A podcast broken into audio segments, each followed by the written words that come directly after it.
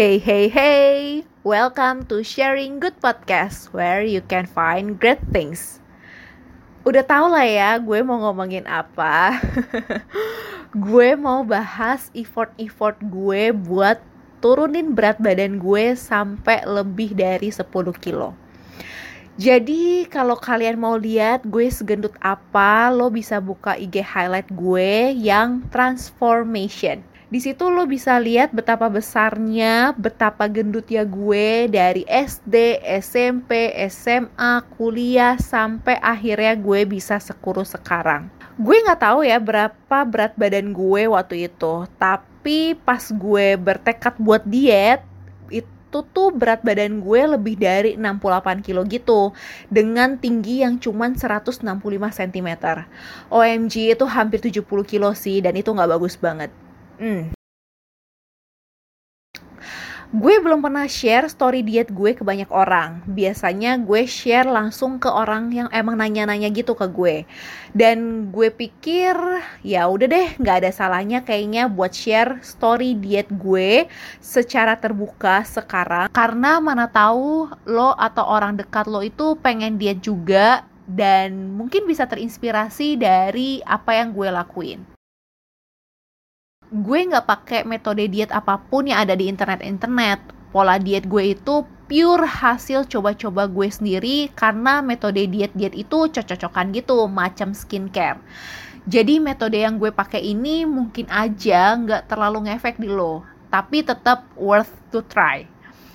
Yang penting tuh sebenarnya mindset lo. Jangan diet cuman biar penampilan lo oke. Okay. Walaupun ya awalnya gue juga gitu sih karena kalau goal lu cuman itu, diet lo itu cuman bisa bikin beban hidup yang ujung-ujungnya bikin lo gagal lagi. Pas gue ngejalanin diet, gue tuh akhirnya sadar kalau diet itu ya tujuan utamanya adalah buat sehat. Lo pasti akan ngerasain perbedaan yang signifikan kalau lo punya berat badan yang memang ideal atau berat badan yang seimbang sama tinggi badan lo. Oke, langsung aja ya. Gue kupas tuntas pola diet ala Peselin. Pertama, mungkin gue bahas dulu kali ya kenapa gue diet. Hmm, jadi gue diet itu tuh tahun 2018 motivasi terbesar gue buat diet itu karena gue pengen tampil cantik, gue pengen tampil kece pas nikahan Ci gue dan gue kayak malu aja gitu kalau misalnya gue harus pakai gaun harus pakai baju bagus tapi badan gue masih bengkak sana sini Nah, gue pengen aja gitu loh di foto-foto bersejarah itu tuh gue tampil cantik menawan gitu. Akhirnya ya udah gue mutusin buat diet. Dan ternyata motivasi itu tuh bikin gue jadi bertekad banget, berkomitmen banget buat bikin gue sampai akhirnya gue bisa jadi sekarang itu motivasi awal gue sampai akhirnya pas gue ngejalanin dietnya itu bukan cuma buat tampil cantik atau buat jadi kurus pas nikahan Ci gue, tapi lebih ke kesehatan. Gue jadi lebih sadar kalau dengan berat badan yang lebih ringan nih, gue tuh ngejalanin aktivitas tuh jadi lebih enak, jadi lebih enteng. Gue jalan juga nggak sering capek, daya tahan tubuh gue juga jadi lebih bagus, lebih apa ya, lebih fresh akhirnya jadi enjoy aja gitu buat ngejalanin diet dengan uh, berbagai macam olahraga yang gue lakuin. Kedua, gimana cara gue diet? Nah, ini nih yang paling banyak ditanya orang. Gimana sih cara lu diet? Anjir, gue paling banget liat lu sekarang. Dulu padahal lu gak kayak gini. Terus akhirnya gue jelasin deh gimana caranya gue diet.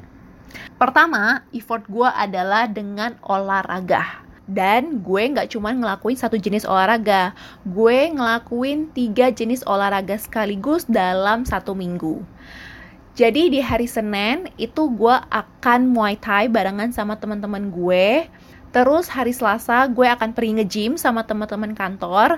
Hari Rabu gue jogging di GBK barengan sama anak-anak kantor juga. Dan hari Kamis, Jumat, dan Sabtu gue nge-gym lagi. Tapi kalau hari Sabtu itu kayak tentatif gitu sih. Kalau gue lagi mood, gue lagi pengen olahraga, ya udah gue bangun pagi terus nge-gym, habis itu baru balik deh ke Bekasi. Oke, gue bahas satu-satu ya olahraga gue dalam satu minggu itu. Jadi hari Senin kan gue Muay Thai tuh, kurang lebih 2 jam. Gue itu Muay Thai di Blora deket stasiun Sudirman, namanya Bangkok Muay Thai. Menurut gue tempatnya emang gak gede-gede banget sih, tapi instrukturnya kece-kece banget. Selain mereka asik diajak ngobrol, mereka juga ngerti teknik-teknik Muay Thai dan juga cara nurunin berat badan. So, gue enjoy banget selama Muay Thai kurang lebih 3 bulan gitu. Kalau dalam bayangan lo Muay Thai itu boxing dari awal sampai akhir, lo salah besar. Karena Muay Thai itu yang gue alamin adalah 70% kardio, 30% boxingnya. Kardionya itu sih parah banget sih menurut gue. Jadi kayak lu pemanasan lu udah mulai dari lompat tali atau juga lompat. Karena gue nggak bisa lompat tali, gue milih buat lompat. Jadi gue lompat di tempat dengan tinggi seban yang gede itu loh.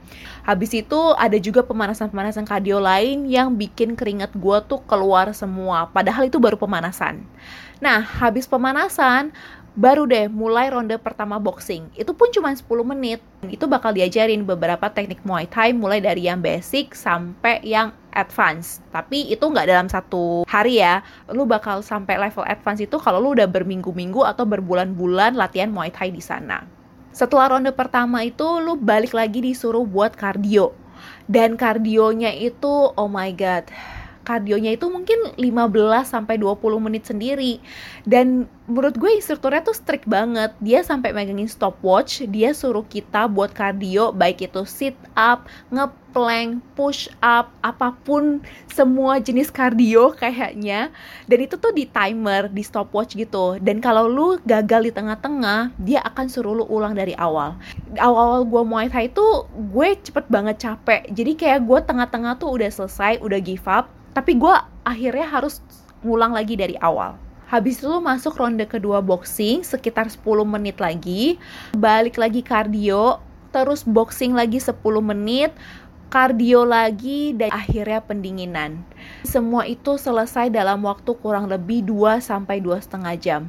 Sumpah, Muay Thai itu ya bener-bener bikin kalori gua, lemak gua, kolesterol gua tuh kayaknya keluar gitu karena bener-bener lu tuh capek secapek-capek ya jadi dua pertemuan pertama gue ikut Muay Thai itu badan gue kayak rontok semua gitu loh. Bangun tidur susah mau naik kasur susah mau jalan susah bersin batuk jongkok susah.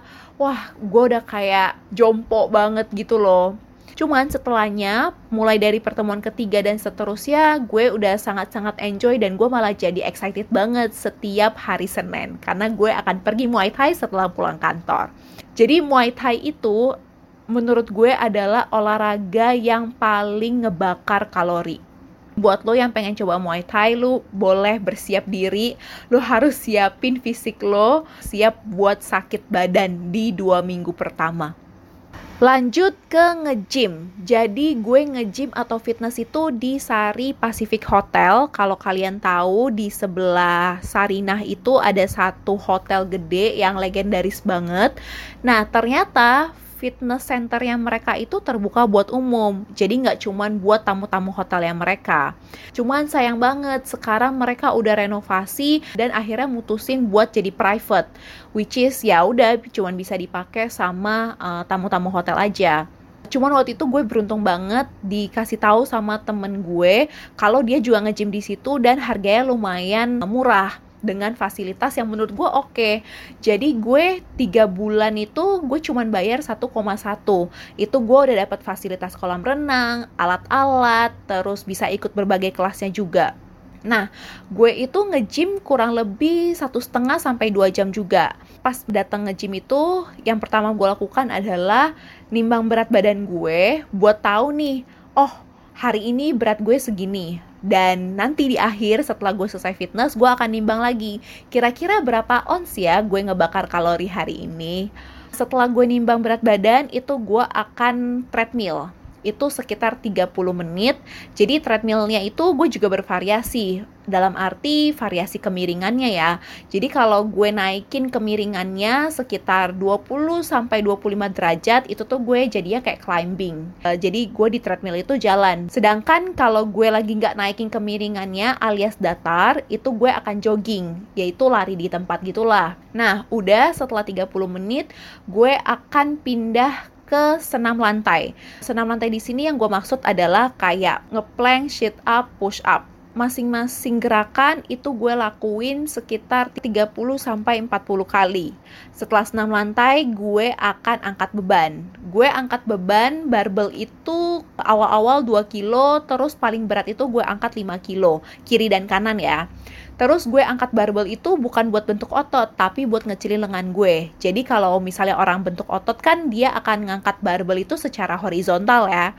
Tapi kalau gue itu secara vertikal karena memang tujuannya buat ngecilin uh, lengan. Terus gue juga angkat beban atau angkat barbel itu sambil tiduran. Jadi kayak uh, uh, gerakin tangan gue yang pegang barbel itu naik turun naik turun gitu kadang-kadang gue juga ikut beberapa kelasnya sih kayak zumba aerobik itu tuh gue suka banget jadi kalau harinya lagi pas instrukturnya juga oke gue akan ikut kelas zumba atau aerobik Nah, yang ketiga adalah gue jogging di GBK. Jadi, gue sama teman-teman gue itu muterin stadion utamanya GBK dan sesuai kemampuan aja. Dulu pas awal-awal pertama-tama gue jogging itu gue cuma sanggup dua putaran. Itu aja gue udah ngos-ngosan banget. Sampai akhirnya badan gue udah terbiasa buat physical exercise dari Muay Thai, nge-gym, terus akhirnya jogging kan. Jadi gue sampai sanggup 5 sampai 6 putaran. Dan gue jogging itu bukan nge-sprint ya, bener-bener jogging yang kecepatannya itu konsisten. Jadi gue santai aja larinya, tapi ya udah itu sampai 6 putaran dan menurut gue itu lumayan bikin daya tahan tubuh gue tuh jadi bagus. Jadi sekarang gue kalau jalan atau kayak lari tuh gue nggak cepet ngos-ngosan.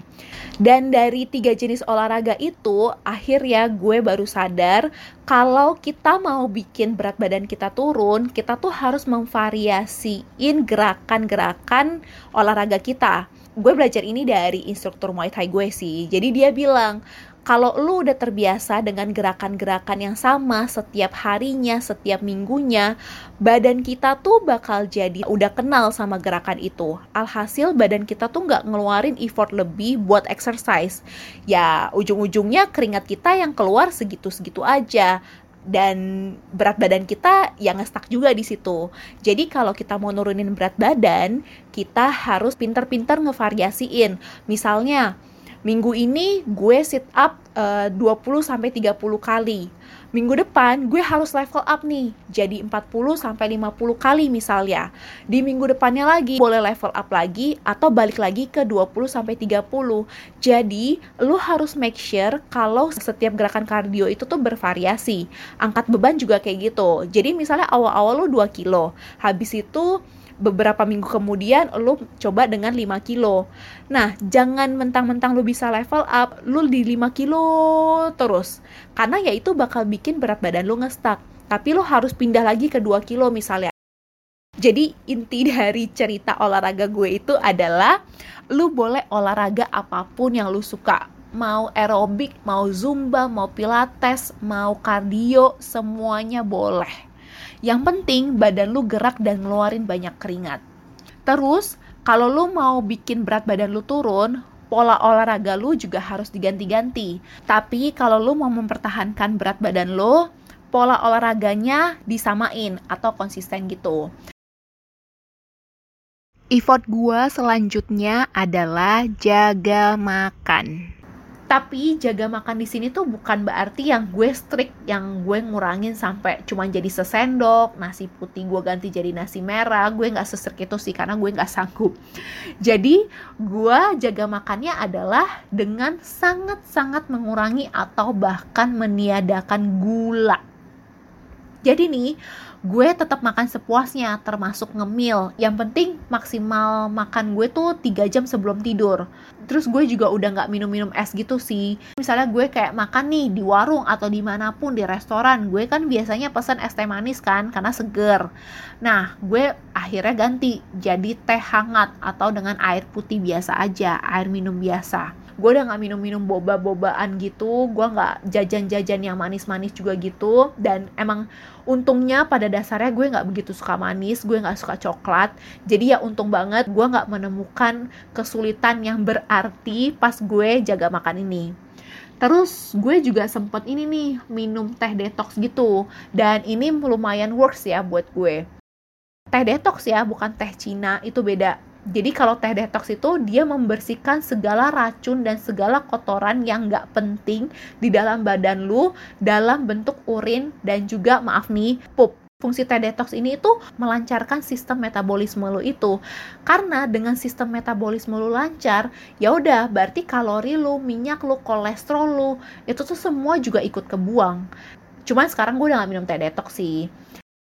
Gue juga ada cheating day cheating day gue adalah setiap weekend ketika gue pulang ke Bekasi. Karena gue nggak mungkin dong nggak makan makanan nyokap gue. Jadi gue nggak mungkin tuh jaga makan pas gue lagi pulang ke rumah. Tapi gue tetap ngontrol. Jadi kayak bukan berarti gue kalap gue nambah nasi sebanyak mungkin terus minum-minum boba gitu enggak gue tetap nggak minum boba gue tetap nggak minum uh, gula jadi lebih ke cheating day-nya kayak gitu tapi kalau yang soal manis-manis gitu-gitu sih memang gue kayak ibaratnya mungkin stop kali ya pas gue diet itu Oke, okay, itu effort-effort gue. Kalau misalnya lo mau tanya-tanya lagi soal effort gue lebih detail, lo boleh DM gue aja di Instagram ya.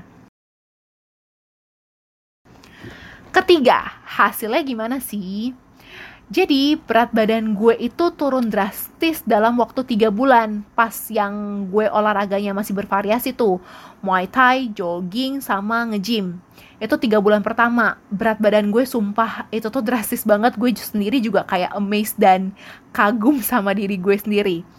Dari 68 kg berat badan gue itu turun sampai 59 kg berkat Muay Thai. Dan juga ada kontribusi jogging dan gym juga sih. Tapi Muay Thai itu benar-benar olahraga yang paling ampuh di gue. Dari 59 kilo itu pelan-pelan makin turun, makin turun berkat gym sampai akhirnya gue di titik 55 sampai 56 kilogram. Nah, pas gue di berat badan itu tuh 55 sampai 56 kg, gue udah mulai agak susah sih nuruninnya dan gue merasa oh kayak gue udah ngestak nih. Kayak gue udah ngelakuin effort apa aja, gue udah ganti-ganti pola fitness gue juga nggak ngaruh dan ya karena gue udah nggak mau Thai juga sih. Jadi berat badan gue tuh udah ngestak gitu di 56 kilo terus kan gue 2019 tuh gue masih ada ngelanjutin ngejim tuh. Sampai akhirnya gue diterima beasiswa kan. Gue dapat beasiswa dan gue ada jadwal-jadwal training dan segala macem. Sampai akhirnya gue nggak ngejim lagi tuh. Dan kebetulan tempat gymnya juga udah keburu tutup yang di Sari Pasifik itu. Dia tutup gue sibuk jadi gue bener-bener nggak olahraga. Dan gue udah ya udahlah pasrah aja dengan berat badan gue. Gue kayak cuman ngarep berat badan gue bisa turun dengan segala kesibukan yang gue lakuin pada saat itu. Habis itu gue berangkat ke Australia tuh. Dan di Australia sekitar 5 bulan itu berat badan gue ternyata turun lagi sampai angka 53 kg. Awalnya gue gak sadar kalau berat badan gue turun sampai akhirnya teman gue tuh bilang, jadi kayak gue video callan gitu kan sama teman-teman gue. Dan setiap gue video call mereka tuh pasti bilang sumpah apa muka lo tirus banget.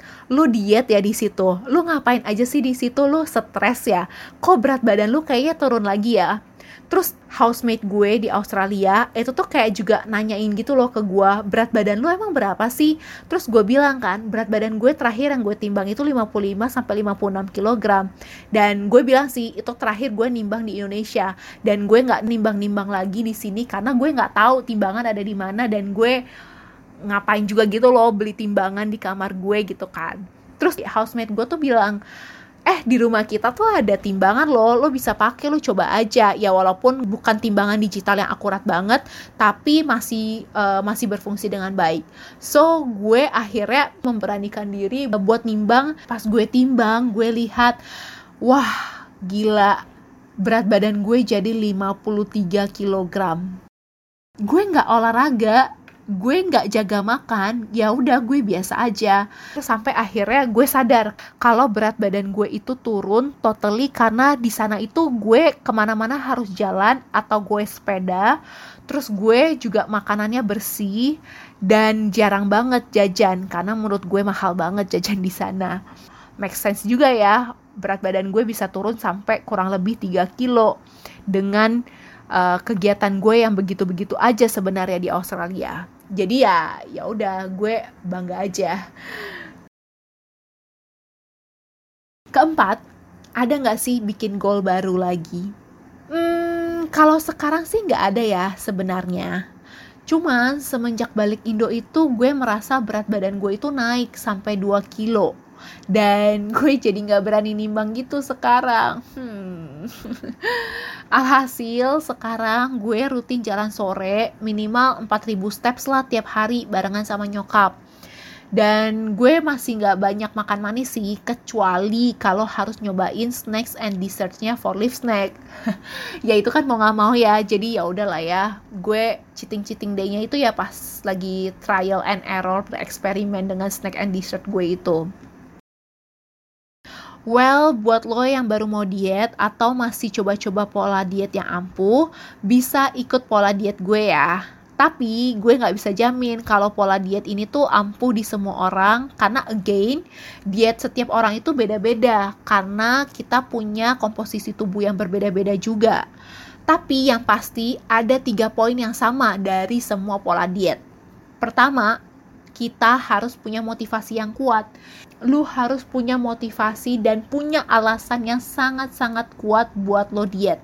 Lu pikirin apa sih yang pengen lu capai dari diet lo itu? Kalau kayak gue ya case-nya itu kan, gue pengen tampil cantik di foto-foto nikahan Ci gue.